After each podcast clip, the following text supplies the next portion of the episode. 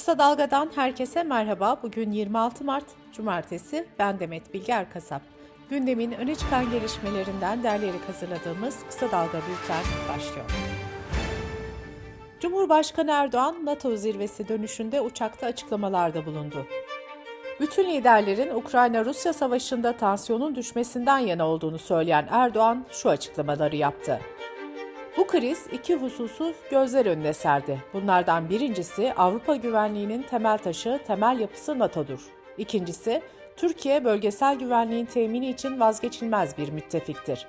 Gerekli ikili görüşmeler, gerekse zirve toplantısı esnasında liderlerin birçoğu bunu dile getirdi.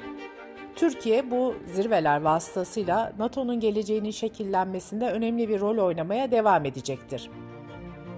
Erdoğan açıklamasında birçok markanın Rusya'dan ayrıldığını hatırlatarak bunlardan ülkemize gelenlere kapımız açıktır. Buyursunlar gelsinler deriz. Belli sermaye gruplarından ülkemize gelip bizde imkanlarını park etmek isteyenler olursa onlar için de kapımızı kapalı tutmayız dedi. Erdoğan bir soru üzerine asgari ücrete ikinci kez zam yapılıp yapılmayacağına yönelik tartışmaları ilişkinde yıl ortasında bakılır gerekirse işçimizden esirgemeyiz diye konuştu. Ankara Büyükşehir Belediyesi'nin eski başkanı Melih Gökçe'nin yılda 10 milyon turist vaadiyle kurduğu Anka Park projesi iflas etti. Atatürk Orman Çiftliği arazisi üzerine inşa edilen Anka Park'ın iflas kararı Türkiye Ticaret Sicil gazetesinde yayımlandı. Mimarlar Odası Ankara Şube Başkanı Tezcan Karakuşcan'dan tüm kamu zararları Gökçek'ten tazmin edilmelidir dedi. Ankara Büyükşehir Belediye Başkanı Mansur Yavaş Anka Park'la ilgili şöyle demişti. Anka Park'ın maliyeti 801 milyon dolar. Bu para Ankaralıların parası. Ata Dedeler ismiyle anılan çeteye yönelik soruşturma kapsamında gözaltına alınan Ankara 22. Ağır Ceza Mahkemesi'nin eski başkanı BÇ ile HSK tarafından açığa alınan Amasya Savcısı HK'nın savcılık işlemleri dün tamamlandı. Sorgularının ardından mahkemeye sevk edilen iki isimden savcı HK tutuklanırken eski Ağır Ceza Mahkemesi Başkanı BÇ'nin ev hapsine alınmasına karar verildi. Danıştay'a 2006'da düzenlenen silahlı saldırının faillerinden Osman Yıldırım cezaevinden yazdığı mektupta İstanbul Büyükşehir Belediye Başkanı Ekrem İmamoğlu'na suikast ihbarında bulunmuştu. Gazeteci Barış Terkoğlu'nun kamuoyuna duyurduğu bu mektupla ilgili İmamoğlu'ndan ilk açıklama geldi. İmamoğlu şöyle dedi. İstanbul Büyükşehir Belediyesi'ne 80'e yakın müfettiş gönderip her odada teftiş yaptıran zat-ı muhteremleri bu konuyla ilgili de azami ilgiyi göstermeye davet ediyorum. Altı Muhalefet Partisi'nin liderleri Deva Partisi Genel Başkanı Ali Babacan'ın ev sahipliğinde 27 Mart'ta ikinci defa bir araya gelecek.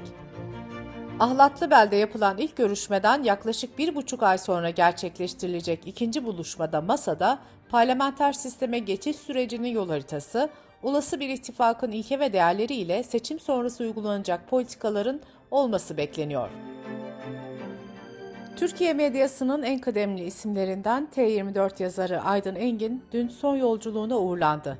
Engin kendi isteği ve pandemi nedeniyle tören yapılmadan uğurlandı. Engin'in cenazesine HDP eş genel başkanı Mithat Sancar, CHP'li Sezgin Tanrıkulu, tip milletvekili Ahmet Şık ve çok sayıda meslektaşı katıldı. Eşi Oya Baydar, kendisi görseydi, duysaydı ve hissetseydi dünden beri ne kadar sevgiseli içinde uğurlandığını herhalde bundan memnun olurdu dedi.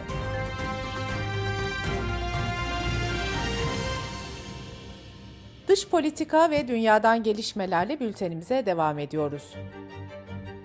Ukrayna'da savaş birinci ayını doldururken Brüksel 3 önemli zirveye ev sahipliği yaptı. Avrupa Birliği Liderler Zirvesi'nde Ukrayna'nın yeniden imarı için dayanışma fonu kurulması kararlaştırıldı. Rusya'ya enerji alanında yaptırımlar konusunda üye ülkeler arasındaki görüş ayrılıkları ise aşılamadı. Almanya, Avusturya, Hollanda ve Belçika'nın da yer aldığı grup yaptırıma soğuk bakıyor. Rusya'ya coğrafi olarak daha yakın konumda olan Polonya, Finlandiya ve Baltık ülkeleri ise yaptırımların sertleştirilmesi gerektiğini savunuyor. Avrupa Birliği elektrik üretimi, ısınma ve endüstri tedariki için kullanılan doğalgazın %90'ını ithal ediyor. Rusya, Avrupa'nın doğal gaz ihtiyacının %40'ını, petrol ihtiyacının ise yaklaşık %25'ini karşılıyor. Bu arada ABD ve Avrupa Birliği Avrupa'nın Rusya enerji bağımlılığını azaltmaya yönelik yeni bir anlaşmaya vardı. Buna göre ABD Avrupa ülkelerine 2022'nin sonuna kadar en az 15 milyar metreküp sıvılaştırılmış doğal gaz tedarik edecek. AB Liderler Zirvesi'ne video konferans yoluyla katılan Ukrayna Devlet Başkanı Zelenski, AB liderlerine şimdiye kadar Rusya'ya uygulanan yaptırımlar için teşekkür etmekle birlikte sistemde de bulundu.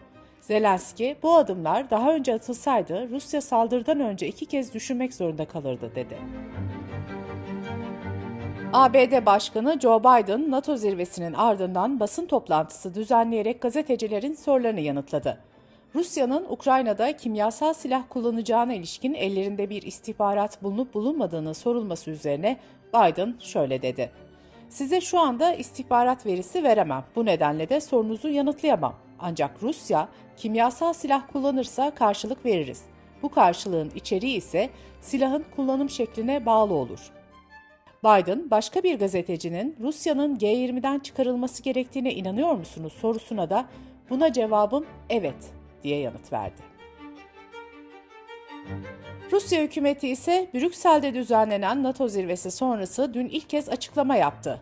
Rusya Dışişleri Bakanı Lavrov, Batılılar Rusya'ya karşı topyekün hibrit bir savaş ilan etti dedi.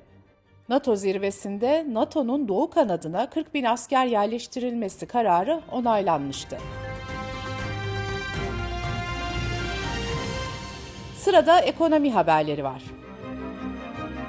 Birleşik Kamu İş Konfederasyonu Mart ayı açlık yoksulluk araştırmasının verilerini yayımladı. Buna göre açlık sınırı 5738 lira ve yoksulluk sınırı 11611 lira oldu.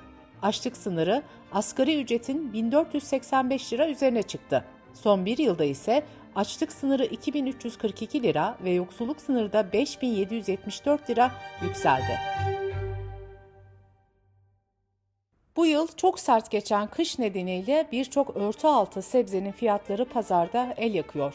Havanın eksi dereceleri görmesi nedeniyle Antalya ve bölgesindeki seralarda zirai don olayları yaşandı. Bitkilerin aşırı soğuk nedeniyle strese girmesi ve verimin düşmesi piyasaya ürün sevk miktarında azalttı. Üstüne bir de girdi maliyetlerindeki artış eklenince biberden domatese, patlıcandan salatalığa kadar birçok üründe aşırı fiyat artışı oldu. Semt pazarlarında Ayşe Kadın fasulyenin kilosu 80 ila 100 liraya satılıyor. Patlıcan 25 lira, salatalık 20-25 lira arasında, biberler 50 lira, kırmızı kapya biber 25 lira. Cin biberin fiyatı ise 80 lira. Türkiye İstatistik Kurumu verilerine göre inek sütü fiyatı 2021'de bir önceki yıla göre %25.77 arttı. Koyun sütü fiyatındaki artış ise %38.45'e kadar çıktı. Yine TÜİK'in verilerine göre hizmet sektöründe mevsim etkilerinden arındırılmış güven endeksi Mart ayında bir önceki aya göre %6.2 geriledi. Mart ayındaki güven azalması perakende ticaret sektöründe %3.1, inşaat sektöründe ise %2 oldu. Bültenimizi kısa dalgadan bir öneriyle bitiriyoruz. Profesör Doktor İlhan Uzgel ve Doktor Mühtan Sağlam'ın hazırladığı Dünya Gündemi bu hafta 24 Mart'ta gerçekleşen NATO zirvesini, AB stratejik pusulasını ve Türkiye'nin durumunu ele alıyor. Uzgel ve Sağlam, Ukrayna krizinin Türkiye dış politikasına etkisini ve NATO ile AB cephesinin Türkiye'ye dönük tutumunu değerlendiriyor. Kısa Dalga.net adresimizden ve podcast platformlarından dinleyebilir, YouTube kanalımızdan izleyebilirsiniz. Gözünüz kulağınız bizde olsun. Kısa Dalga Medya.